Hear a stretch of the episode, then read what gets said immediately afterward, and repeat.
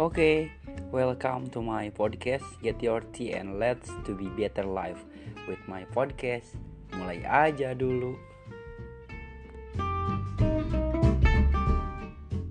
Oke, halo. Halo, Halo, apa kabar Okta? halo, alhamdulillah baik, sehat-sehat banget nih. Udah lama ya nggak ketemu. Emang nggak pernah ketemu ya? Nggak pernah ketemu pak. Eh, thanks banget nih udah mau nyempetin. Padahal ini perdana banget loh gua ngadain narasumber. Asik. Per narasumber pertama berarti gue nih ya. Biasa. Siap, siap. Padahal podcast gua baru seumuran jagung gitu. Umur jagung ya Allah muda banget ini masih embrio kayaknya. Ya, by the way, sebelum lanjut ke sesi yang lebih intens, kira-kira kenalin dulu dong, yang mungkin nanti bisa buat eh, orang lain lebih terinspirasi gitu. Terinspirasi, oke. Sebelumnya kenalin nama gue Oktaviani Adisa Putri, bisa dipanggil Okta. Ya, tapi kalau di rumah gue dipanggilnya Ade sih. Jadi kalau orang rumah, sama orang-orang kampung taunya namanya Ade. Oh, berarti nanti gue panggil Adi ya. itu nama cowok pak enggak sih kalau bisa biasa teman-teman gue sih manggilnya Okta dari SMP gue dipanggil Okta sih Oke, Okta. Sekarang lagi sibuk apa, tak? sekarang sibuk rebahan kayaknya pak Ya, perlu gue kenalin juga nih ya. Ini salah satu di gue baca di CP-nya. Ok dengan nama Oktaviani Adi Sapitri. Saputri pak sorry, sorry, sorry. Kebetulan gue dulu satu tujuan gitu. Mm-mm. Sampai detik ini juga gue belum pernah ketemu sih. Tapi kayaknya kita lebih akrab daripada orang yang ketemu gitu ya. iya bener bener banget kita dulu dipertemukan enggak dipertemukan juga sih kayak diperkenalkan melalui eh, perjuangan di perguruan tinggi Apa tuh? Sedih tuh kalau bilang-bilang itu ampun. kita sama-sama berjuang dan sama-sama gagal Tapi by the way lu persiapin buat apa dapetin beasiswa itu berapa bulan coba? beasiswa yang mana nih Yang itu yang ketos beasiswa ketos di IPB. gue kagak dapet ya kan itu yang yang kita daftar tuh beasiswa ketos itu buat sarjana tapi gue dapetnya yang vokasi Oh iya, bukan maksudnya mempersiapin dari lu tahu sampai lu siap siapin sampai ngirimin berkas dan skrip yang lainnya gitu. kurang lebih gue gue tahu tuh dikabarin dari kayak biasa lah dulu kan kalau SMA tuh mau lulus kan kayak ada apa sih kampus expo gitu. Heeh. gue tahu tuh sebulan sebelumnya. Pokoknya sebulan sebelum penutupan lah. Itu gue sebulan tapi gue pertimbangin lagi eh, dua minggu tuh gue pertimbangin karena gue sadar diri kan ya. Sadar diri nilai.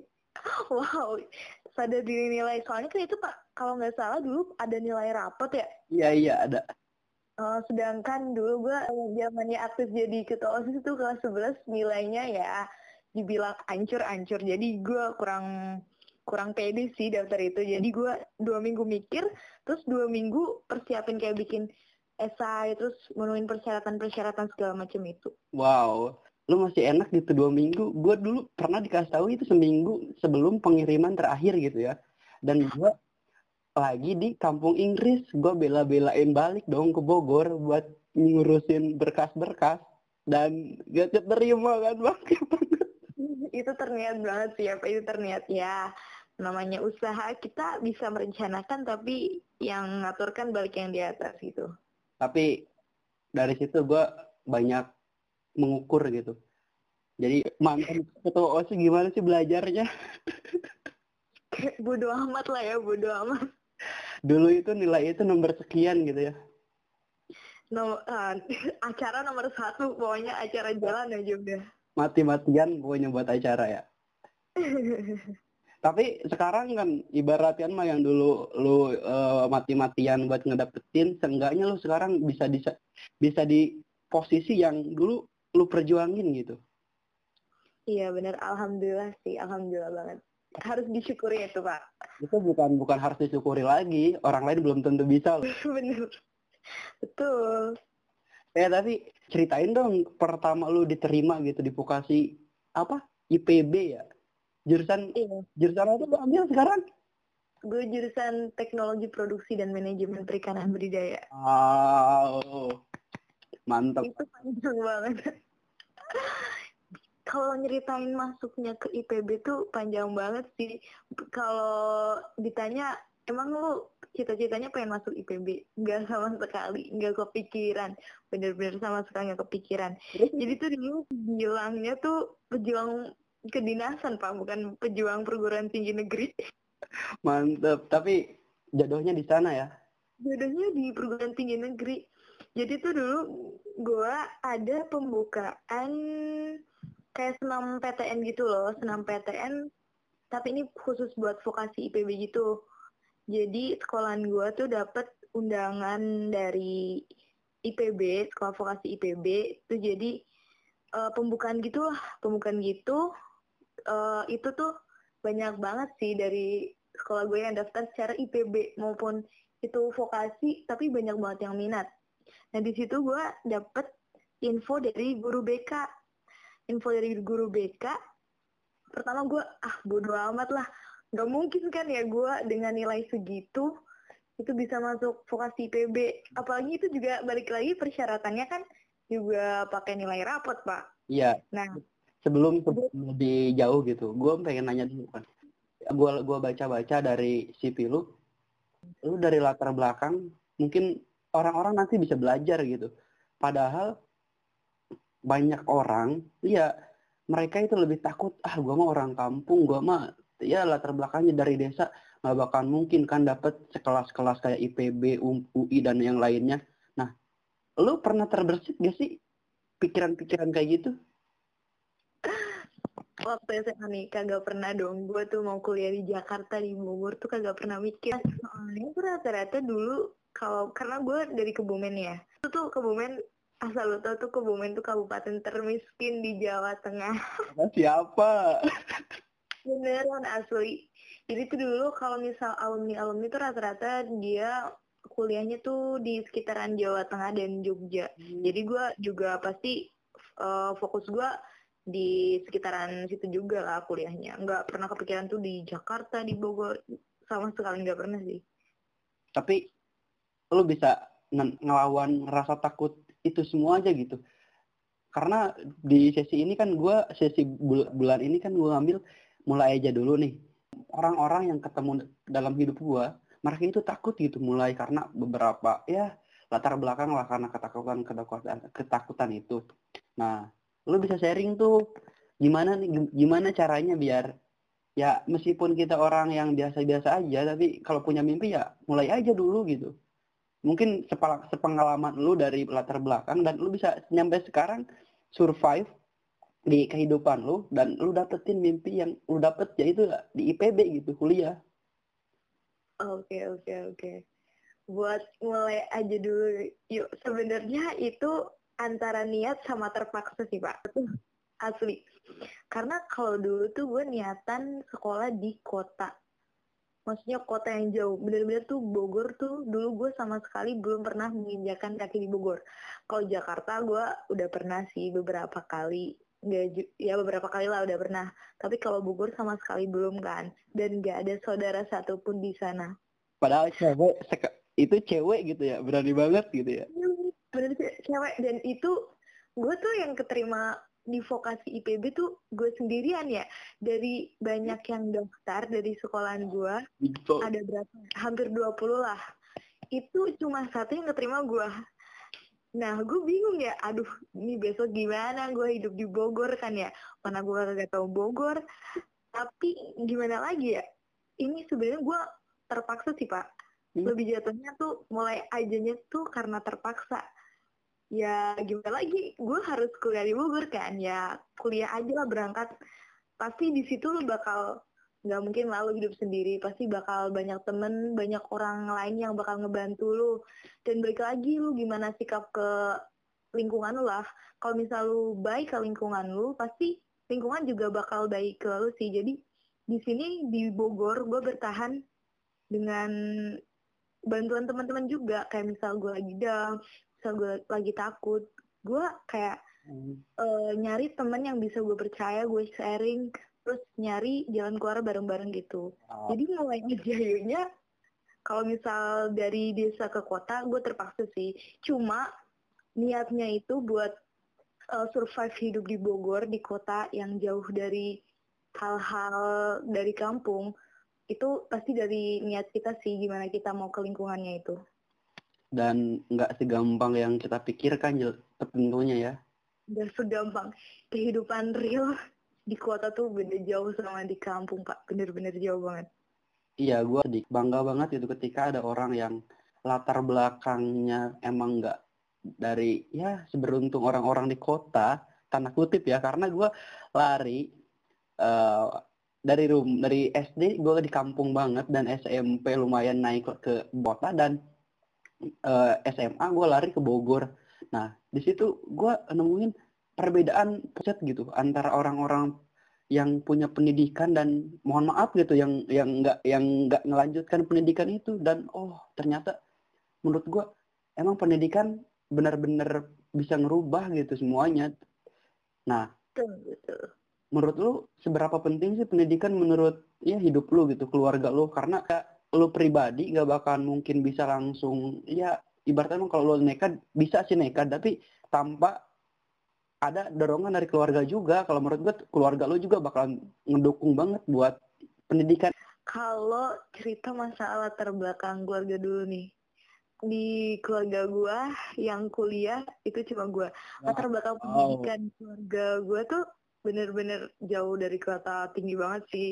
Karena ya dari kampung lah dulu kalau pendidikan orang tua tuh bapak gua ter karena beliau-beliau itu mm-hmm. emang udah karena gue anak terakhirnya wow. jadi orang tua gua tuh lahiran tahun bapak gua lahiran tahun 48 40. ibu gua lahiran tahun 60 itu teman-teman gue aja ngeliat orang tua gue pertama ekspektasi mereka anggapan mereka mereka tuh bilang itu nenek sama kakek lu langsung what mereka tuh orang tua gue langsung ih maaf kak kirain tuh si kalau orang Jawa ngomong mbah lu gitu. Ya, uh, uh, paham paham. Iya. Ya lu kebayang lah gimana gapteknya orang tua gue sampai detik ini pun orang tua gue kagak ada yang megang HP sama sekali. HP jadul pun kagak bisa make mereka. Wow hebat dong. Hmm jadi kalau latar belakang pendidikan orang tua yang pertama sama sekali jauh lah orang bapak gue aja tuh dulu. Istilahnya zaman penjajahan kolonial tuh SD terus mak gue kagak kagak sekolah sama sekali. Terus anak-anaknya juga kakak gue yang pertama cuma sampai SMP, kakak gue yang kedua sama ketiga sampai SMA. Karena dulu kondisi ekonomi yang kurang lah. Jadi kakak gue yang pertama itu kayak ya udah sampai SMP aja, terus nyari kerja buat bantu sekolah adik-adiknya gitu. Tapi gue uh, respon dari cerita lo, gue wow, wow banget gitu wow banget nih. Lanjut nih. Iya lanjut lanjut. Lanjut. Nah alhamdulillah karena gue tuh termasuknya di keluarga kecil gue tuh salah satunya beruntung banget lah anak terakhir terus jedanya tuh agak jauh lah. Kalau kakak-kakak gue kan uh, jedanya masih sedikit lah. Jadi mereka masih berjuang lah. Berjuang di masa-masa susahnya orang tua keluarga gue gue termasuknya karena bedanya jauh jadi alhamdulillah uh, dari segi finansial uh, dibantu lah sedikit sama kakak-kakak alhamdulillah. Bisa ngelanjutin ke kuliah ya walaupun di dalam perkuliahan itu gue juga sadar kan kakak-kakak gue udah pada punya keluarga masing-masing punya kebutuhan masing-masing sebisa mungkin ya gue uh, survive lah asik bertahan hidup di kota orang sendiri gitu. Karena bagi gue gitu ya, orang tua gue itu ya latar belakang kebetulan dari pondok pesantren ya, ya. Hmm. Dan mereka itu pernah dulu mengekang gue karena ya udah lu ikut ke pesantren aja gitu. Kayak ngikutin kayak latar belakang keluarga gue gitu. Soalnya kan latar belakang keluarga gue dan gue berbeda pendapat gitu dengan mereka. Gue lebih pengen ya udahlah gitu. Yang yang pesantren udahlah cukup gitu. Gue pengen lebih beda dari yang lain gitu. Nah dari situ gue bela-belain jauh dari keluarga selepas SD dan yang alhamdulillahnya itu keluarga gua. Nyampe detik ini pun kalau ke bidang pendidikan mereka itu nggak terlalu muluk-muluk gitu. Yang penting yang penting lu lanjutin pendidikanmu ke mana pun juga ya udah kita dukung selagi ada selagi ada selagi kita mampu selagi ada rezekinya gitu. Beda ketika gue minta apa apa apa gitu. Misalkan gue minta barang nih nggak pernah dikasih. Tapi ketika gue buat pendidikan mereka respon banget gitu. Nah berarti kan gue ngambil kepil kesimpulan oh berarti emang bener gitu mereka ngajarin ke gue ya mereka nggak punya apa-apa tapi mereka bisanya cuma ngasih ilmu dan ya udah lanjutin buat pendidikan lu gitu. Oke oke oke. Kalau buat ngomongin seberapa penting nih, yang tadi lo juga tanya masalah mindset antara nggak berpendidikan sama berpendidikan nih. Sebenarnya sama aja sih keluarga gue sama keluarga lu. Kayak Cie, kita sama dong. Asli sama. Memiliki persamaan. Enggak, dari dulu alhamdulillah gue dari zaman gue SD nggak pernah dikekang kayak orang tua yang lain mungkin ya kayak lu harus dapat rank satu, lu harus dapat nilai 100 segala macam-macam, lu harus dapat nem sekian, lu harus dapat IPK sekian. Hmm. Gue nggak sih, gue nggak dikekang kayak gitu. Gak punya beban gitu ya? Uh, mereka tuh kayak ya udah lu yang penting yang sembarangan banget gitu. Hmm.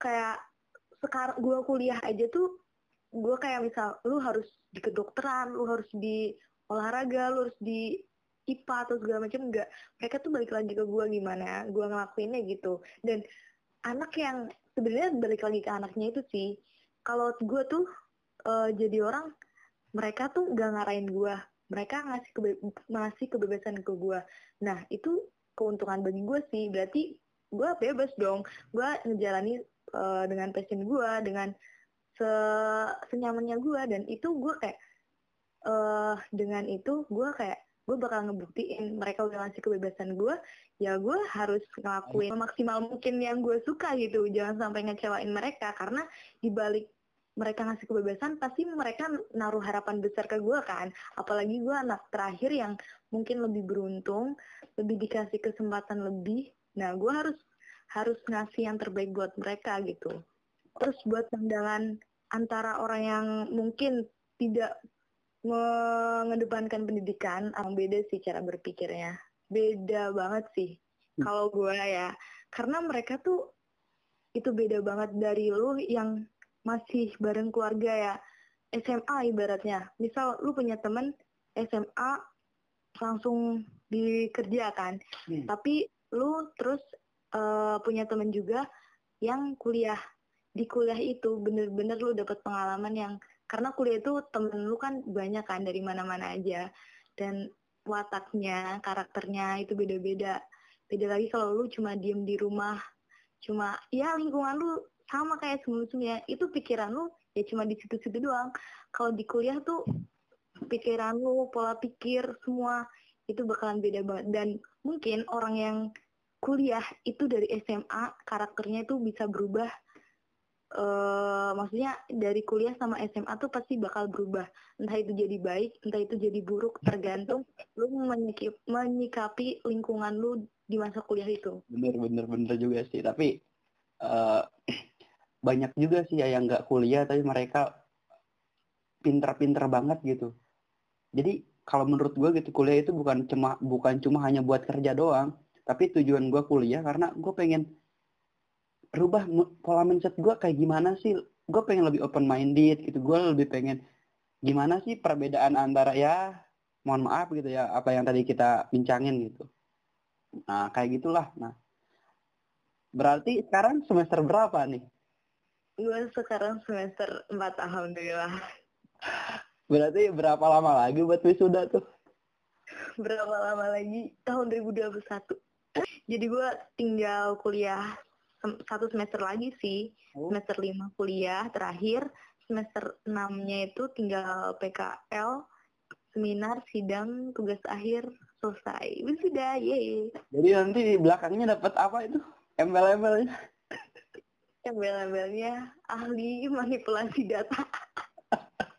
HMD enggak enggak. Ahli media sih vokasi ngomongin yang masalah ini nih Pak tadi tuh. Itu menarik banget sih yang antara persepsi orang yang mungkin melanjutkan kuliah sama enggak. Sebenarnya gue bukan tipe orang yang ngabis banget harus kuliah Ya. sih. Bener-bener. Nih biar balik lagi nih, kita tuh biasanya orang berpikir kuliah biar bisa dapat kerjaan enak, biar sukses kan. Pokoknya orang tuh hidup acuannya buat sukses aja. Entah itu mau pendidikan yang tinggi ataupun nggak berpendidikan sama sekali, itu pasti ngejarnya mereka pengen hidup enak. Nah, pengen hidup enak itu kan caranya jadi orang sukses dulu tuh. Mm. Sebenarnya orang kuliah sama nggak kuliah itu peluang buat suksesnya tuh sama aja, Pak. Sama aja. Itu tergantung karakter mereka masing-masing. Lagi ke pribadinya berarti ya. Titik paling pertama. emang nih cocok banget nih yang mulai aja dulu yuk. Sebenarnya semuanya itu baik yang pendidikan sama enggak. Itu tergantung mereka mau mulai apa enggak. Kesalahan kita itu balik lagi ke mulai apa enggaknya.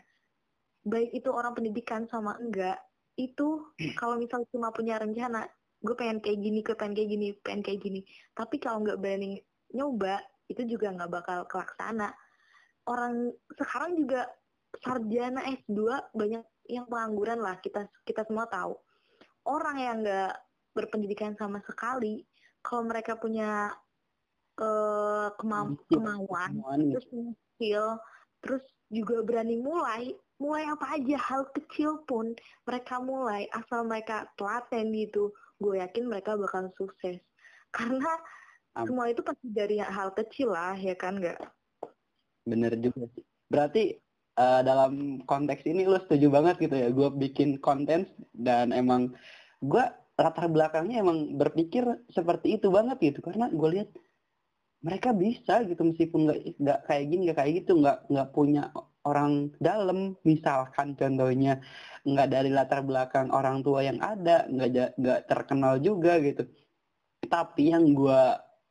lihat itu dari dari pengalaman pengalaman orang lain mereka itu nggak termasuk gue pribadi pengalaman ya nggak mulai-mulai gitu karena ketakutan ketakutan itu dan gue di titik ini gue pengen mulai ayolah kita semua bisa kok.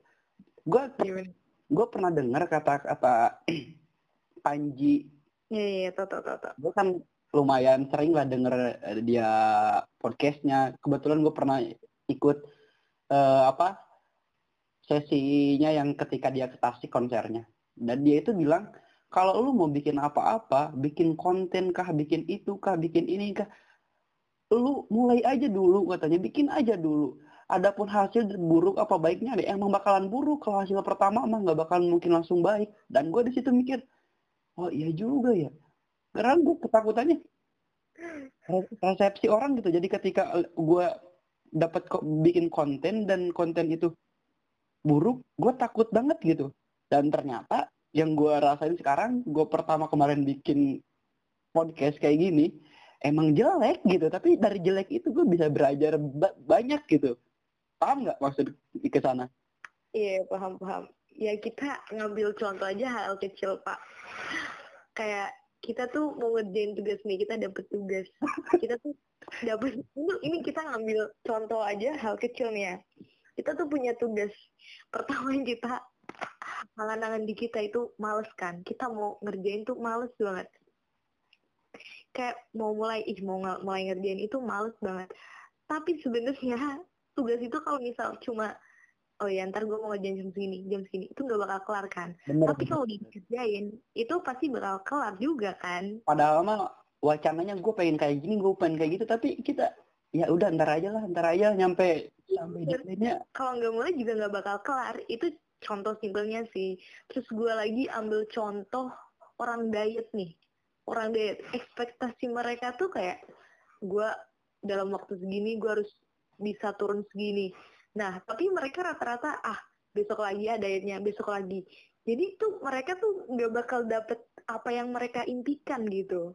Bener-bener ngalur banget ya. Eh, kebetulan gue baca CV lu kayaknya menarik banget itu cewek terus jauh dari keluarga. Hobinya itu muncak gunung atau per- pergi ke hutan dan nyanyi gitu. Wow. Apa sih yang mendasari lu? Kok hobi banget gitu naik gunung sih? Dibilang gue tuh bukan tipe cewek yang suka ke mall, Pak. oh gini nih. Kalau nyari eh kalau nyari cewek yang kayak gini nih. Nggak hedon ya, Pak. Nah, itu alasan gue sih. Gue pertama, kenapa gue suka gunung nih ya? Gue tuh yang pertama gue lebih suka ke alam sih.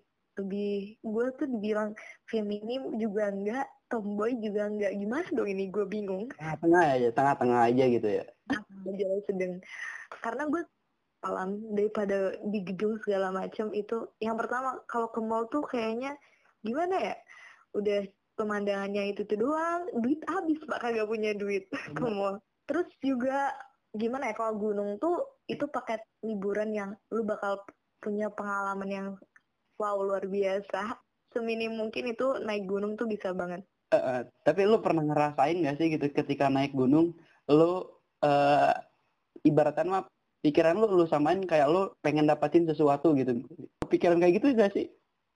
Bukan kepikiran lagi nih pak. Emang bener-bener kalau sebelum naik gunung ya sebelum gua naik gunung pertama kali gua naik gunung pertama kali kelas 12 ya itu musim-musim mau try out tuh. Eh, eh, try out gua naik ke Merbabu. Wow. Terus ah Merbabu. Itu gunung pertama kali gue tuh ke Merbabu. Sama dong kayak gue gunung pertama yang gue daki merbabu yang aslinya gitu. Yang kedua tuh Sindoro yang ketiga itu perahu. Baru sedikit sih pak. Bukan anak gunung juga gua mah tapi kan ya dilihat sedikit sampel kan oke juga gitu benar-benar terus yang masalah yang ngomong-ngomong tadi nih yang lu naik gunung itu kayak bisa mengimplementasikan lu punya sesuatu yang buat dikejar itu bener banget. Gue ngerasain banget ketika gue ngedaki gunung. Jadi tuh posisi ngedaki gunung gimana ya? Pasti yang udah pernah ngedaki gunung tuh udah ngerasain lah ya. Bayangin lah. Ibarat kita ambil sampel aja ketinggian 3000 mdpl itu posisi lu naik gunung tuh naik terus kan ya? Naik terus. Itu kurang lebih jalan kita ambil aja 6 jam lah. 6 jam lu jalan terus dan itu jalannya nggak datar. Itu jalannya tuh naik udah naik. Itu tuh bukan naik tangga tapi naiknya tanah yang nggak beraturan gitu kan? Itu capeknya bukan main. Bener-bener capek banget. Capek banget. Di situ kadang-kadang pengen balik lagi ke belakang gitu tapi lihat di atas kayaknya kayaknya enak kalau di atas ya gitu. Bener banget bener banget. Jadi lu ibaratin gunung tuh kan ada base camp terus ada jalan menuju puncak ada puncak kan ya? Mm-mm. base camp tuh gue ibaratin kayak niat gue niat gue anjay. Nah niat gue niat gue sama persiapan gue tuh. Berarti Nah. setiap setiap base kita harus memperbarui niat kita gitu untuk menemui base camp selanjutnya. Karena di base camp kita juga ngelihat orang lain kan? Eh, kita ng- ngelihat orang lain baru datang tuh baru datang dari mana aja. Terus ngeliat juga orang baru balik dari puncak kan? Nah itu di, di situ kita dimantepin lagi tuh. Kita bener-bener si- siap enggak tuh? Kita bener-bener niat enggak buat naik gunung? Nah di situ kita juga ada cek barang ada registrasi juga kan? Pengecekan barang-barang segala macam nah itu juga persiapan juga mental kita. Terus jalan menuju pros- maksudnya proses pendakian itu proses kita ngejalaninya. Wow. Di eh, di situ tuh bener-bener itu capek banget capek banget. Lu di situ kayak pengen balik lagi kayak pengen istirahat. Udahlah sampai sini aja gue turun kayak gitu. Ibaratnya udah sampai sini aja gue berjuangnya. Udah gue balik lagi ke ke zona nyaman gue Mm-mm. gitu. Paham, paham. Nah, ketika di situ tapi kita tuh pengen lanjut sebenarnya. Kita pengen lanjut. Gimana sih rasanya di puncak kesuksesan itu gimana? Nah ketika kita muncak juga kita punya pasti kita nggak sendirian dong muncak. Pasti kita punya teman-teman juga. Nah itu. Kita hidup tuh juga butuh orang lain gitu. Kita nggak bakal lepas dari orang lain dari orang lain gitu. Oke oke. di situ tuh kalau naik gunung enaknya tuh kita ngerasain kerja soli- solidaritas. Bener-bener kerasa banget gitu ya. Terasa banget asli. Antara orang yang egois sama orang yang butuh itu banget ya temen itu kelihatan banget itu dan banyak kata orang-orang yang suka naik gunung nih katanya sikap seseorang itu bisa kelihatan ketika diajak naik gunung, bener nggak? bener banget itu pak. Bener banget. Jadi lu kalau mau nyari jodoh kayaknya cocok banget naik gunung dah. Asli itu tapi jangan sama sama pacar yang udah jadi pacar. Udah pasti ya elah lu nggak kagak bakal kagak bakal ditinggalin bucin mulu kayaknya itu. Enggak, kalau nyusahin kan tinggal ditinggalin. Ya, bener. Balik lagi nih. Itu kerja tim kayak ya semua sifat kelihatan. Lu mau egois kayak lu mau nungguin bareng-bareng. Ketika apalagi tuh kayak misal udah campur tuh kan ya cewek cowok itu bakalan kerasa banget solidaritasnya. Yang misal biasanya kan kita muncak nggak cuma dari yang kita kenal doang kan kita juga gabung biasanya dari komunitas mana kayak semua gabung jadi satu. Itu yang benar-benar dari nggak kenal itu jadi akrab banget sih. Ya ini gimana? Masih musim kayak gini gimana mau muncak? Mudah-mudahan cepat membaik loh. Pandemi. Ya Ampun, nggak bisa ke mana-mana kita. Iya bener. Terus lanjut lagi, ketika kita muncul, kita ada orang yang udah turun tuh, ada orang turun itu pasti bilang, ayo puncak bentar lagi, sedikit lagi, sedikit lagi. Bentar lagi, naik lagi lima menit lagi. Padahal buset berapa jam bener nyampe kan? Udah jalan, udah, oh udah semangat nih ya, udah semangat. Lima menit lagi, lima menit lagi, sedikit lagi kok. Kita jalan, mana pak? Kagak ada puncak-puncaknya, kagak ada pos selanjutnya tuh, nggak kelihatan ternyata masih jauh. Bener-bener. Hmm, itu sih sebenarnya kita juga di dalam hidup kita pasti ada orang lain yang, yang nyemangatin kita kan. Jelas, jelas. Terus kita udah nah, kita udah semangat lagi nih, udah semangat lagi, terus nggak ada yang nyemangatin lagi. Kita pasti bakalan mundur lagi. Pasti ada yang nyemangatin lagi, kita mundur lagi. Sebenarnya makanya orang lain tuh kita baik ke orang lain tuh perlu juga lah. Di mana kita baik ke lingkungan, pasti lingkungan bakalan baik juga ke kita. Berarti gimana energi kita yang kasih gitu. Nanti timbal baliknya ya apa yang kita kasih, mereka juga bakalan timbal balik ke kita gitu ya.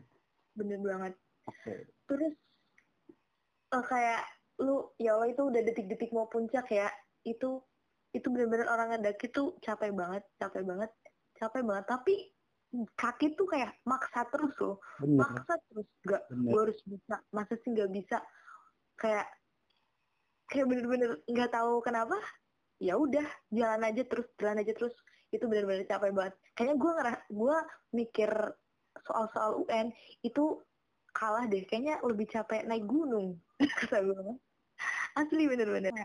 Kalau udah sampai puncak beh itu puas banget. Wow gue bisa nge- bisa ngelewatin kondisi terburuk seperti itu tuh kayak ih ini bener gue nggak sih? Bener beneran Nyangka banget tuh ya. Hmm, bener banget. Makanya kayak ada orang bilang mereka tuh yang udah pernah ngedaki gunung itu bakal ketagihan banget. Itu udah jelas pasti bakal ketagihan sih. Setuju banget itu. Dan ada orang yang belum pernah muncak sama sekali. Mereka beranggapan, ih ngapain sih ngedaki gunung capek-capek kayak gitu. Karena apa? Mereka tuh nggak pernah ngerasain se Sensasinya gitu ya. Intinya itu tuh kayak lu udah sampai puncak tuh itu kayak Hmm. itu tuh apresiasi banget sih buat yang pertama buat diri gue sendiri tuh kayak wow selamat tak udah melewati masa-masa yang sangat luar biasa. Karena itu bener-bener capek banget pak. Bener-bener capek banget. Ya, hidup kita itu ibaratnya kayak gitu juga gitu ya sih. hidup sama sama juga kayak gitu. Kayak balik lagi kita tuh gimana mau berusaha kalau misal lu gak mau berusaha lebih keras lu nyerah ya udah lu dapetnya ya pemandangan Gitu ya. gitu doang. Tapi kalau lu terus push push asal terus berusaha kalau misal udah sampai puncak lu bakal rasakan hal-hal yang sangat luar biasa Bener-bener. Intinya keluar dari keluar dari zona nyaman, terus, terus, terus dan gimana pun cara pun rintangannya Hmm. sampai ke titik di mana lu mau ke cita-cita lu itu. Oke, lanjut ke dari gunung nih, kita pindah ke kampus tercinta lu ya. Karena kayaknya menarik banget nih. Hal-hal yang paling menarik di IPB apaan sih?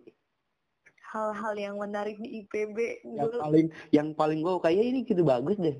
Kalau kalau belum oh, belum kalau di post ke orang lain gitu. Karena kan nggak semua orang bisa kayak lu gitu. kalau IPB koin sih pak koin IPB tuh yang jadi ciri khasnya maskotnya IPB tuh koin kan itu yang bikin menarik di IPB itu karena wisuda semua orang wisuda ke situ semua mahasiswa baru pasti foto di koin itu yang menarik. Berarti tapi kalau gue kalau ke Bogor bisa diajakin dong ke sana.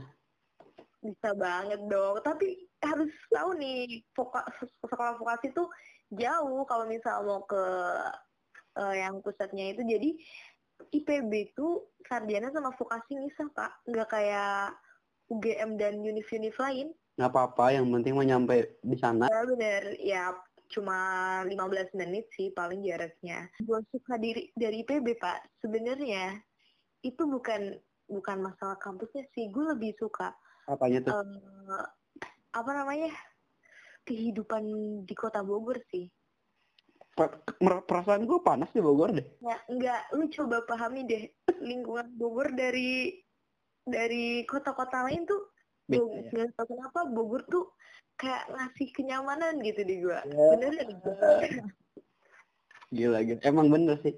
Gue aja yang hampir empat tahun setengah di sana. Gue kayak sekalinya gue balik ya gue di rumah aja. Beda sama kalau di Bogor. Kalau di Bogor kan gue bisa. Gue dari SMA gedenya di Bogor gitu. Jadi banyak tahu lah tentang tentang Bogor gitu. Wow, IPB loh. Bentar lagi wisuda loh. Wah. Alhamdulillah. Datang lu ya waktu gua wisuda awas aja kalau kagak datang. Gue bawain bunga bangkai deh lah. bunga bangke dari kebun raya. Oh iya kebun raya juga menjadi salah satu salah satu tempat favorit gue sih karena di Bogor. Di sana ada pohon doang sih pas sebenarnya. Emang dekat dari sana? kalau sarjana tuh di kabupatennya kalau vokasi tuh di kotanya. Gue baru tahu nih ternyata kebun raya Bogor tuh di kota Bogor Oh bener bener bener. ya gue kayak nih gue kenapa suka di lingkungan situ mungkin karena gue kan hidupnya di kota Bogor ya Mhm. gue di kota Bogor tapi kota itu tuh banyak tumbuhannya pak jadi nggak panas Iya. banget Kiranya itu. iya gue ngerasain Kebumen sama kota Bogor padahal Kebumen kampung ya sedangkan ini tuh kota Bogor tapi gue ngerasa hawanya tuh kayak lebih adem aja di Bogor daripada di Kebumen Wow. Ini yang gue bikin tertarik itu sih. Jadi kota Bogor tuh dia kota. Dia sama nggak jauh beda sama Jakarta. Mungkin kalau emang dari bangunannya tuh mungkin jauh ya. Mhm. karena emang, emang kalau di Jakarta lebih banyak gedung-gedung tinggi. Kalau Bogor mungkin cuma sedikit tapi kategorinya udah masuk kota lah Bogor tuh. Tapi kota Bogor tuh nggak me- menyampingkan kebersihan dan kehijauannya pak. Mereka tetap mengutamakan kebersihan kebersihan kerapihan sama kerindangannya kota itu. Itu gue keren keren banget sih kata gue sama tata kotanya kota Bogor tuh keren banget. Gue apresiasi banget sama wali kotanya wow keren Ya pasti wali kotanya gue nggak tahu deh. wali kotanya itu yang kemarin tuh kabarnya dapet itu loh Oh yang iya. positif kena pandemi Ah, ah. corona. Bima Bima siapa gitu Kapan-kapan mampir lagi ya di podcast gue. oke siap Nah, siap siap udah pindah, udah pindah kampus dan pengalaman yang lebih banyak lagi. amin amin doain Yang terakhir, yang terakhir pertanyaan dari gue. Harapan di tahun ini, di bulan ini untuk seterusnya, khususnya untuk hidup lu apa? harapan gue di bulan ini eh maksudnya harapan lebih tepatnya harapan gue secara umum lah ya. Harapan gue sih ya gue kuliah melakukan kuliah dengan semaksimal mungkin sebaik mungkin terus wisuda tepat waktu terus apa lagi ya? Gue merintis usaha kecil gue Amin. Eh Gua- ya Gue belum, lu belum, lu belum kirim loh. Oh iya adalah punya ya kecil banget sih sebenarnya tapi ya semoga bisa Mulai aja dulu. Insya Allah kan nanti juga berkembang. Amin. benar-benar semoga eh, usaha yang gue kerjain ini ya kecil banget sih tapi ke depannya semoga bisa berkembang terus Amin. amin. amin Dan perlu gue kasih tahu nih ya, Okta ini salah satu dapat eh, beasiswa dari vokasi IPB dan wow banget gitu. Dia itu emang dia ini emang terlalu tawadu banget gitu buat apa keunggulan dia gitu. Kalau nggak diulik ya emang kayak gitu.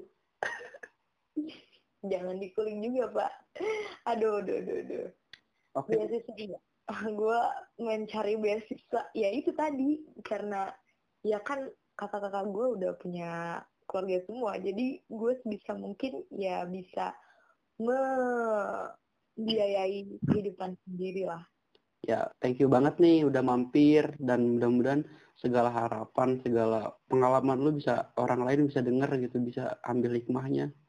Amin, amin, amin. Semoga bisa bermanfaat buat yang lain. Sebenarnya nggak ada sesuatu yang wow gitu, Pak. Iya, emang kalau kata sendiri emang emang nggak gitu sih, suka merendah dulu. eh, tapi gua tunggu ya undangan wisudanya. Oke. Asik ya. Kayaknya ini bakalan wisuda gue bakal jadi meet up pertama nih, Pak. Pastilah harus. Gue bawain Siap. kado, gue bawain kado tergede dah. Asik, asik rumah ya. Rumah tuh didorong rumahnya tuh. Berhubungan udah malam juga ya. Lu juga kayaknya capek banget abis ngerjain tugas kan dari tadi ampun kasih. Kuliah online pertama kali, ih menyebalkan sekali nih. Ngomong-ngomong kita kita ini dari kemarin dua malam ya ngenesel Karena gue kemarin ada project bikin, adalah kelas gue bikin embel-embel sesuatu. Jadi gue pending hari ini.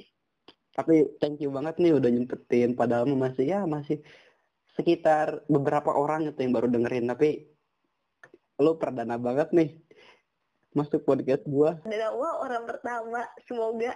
Eh, gue gue cuma pesen nih ya dari masih awal-awal ya yang tadi siapa sih yang mau pernah nonton? Ih siapa tadi dah itu? Ya walaupun dari awal masih mungkin jauh dari kata ekspektasi yang penting lu terus apa sih telaten aja sih. Itu lama-lama pasti bakal boom wow gitu. Amin amin amin. Ya udah. Thank you Okta oke sama-sama. Oke assalamualaikum. Waalaikumsalam warahmatullahi wabarakatuh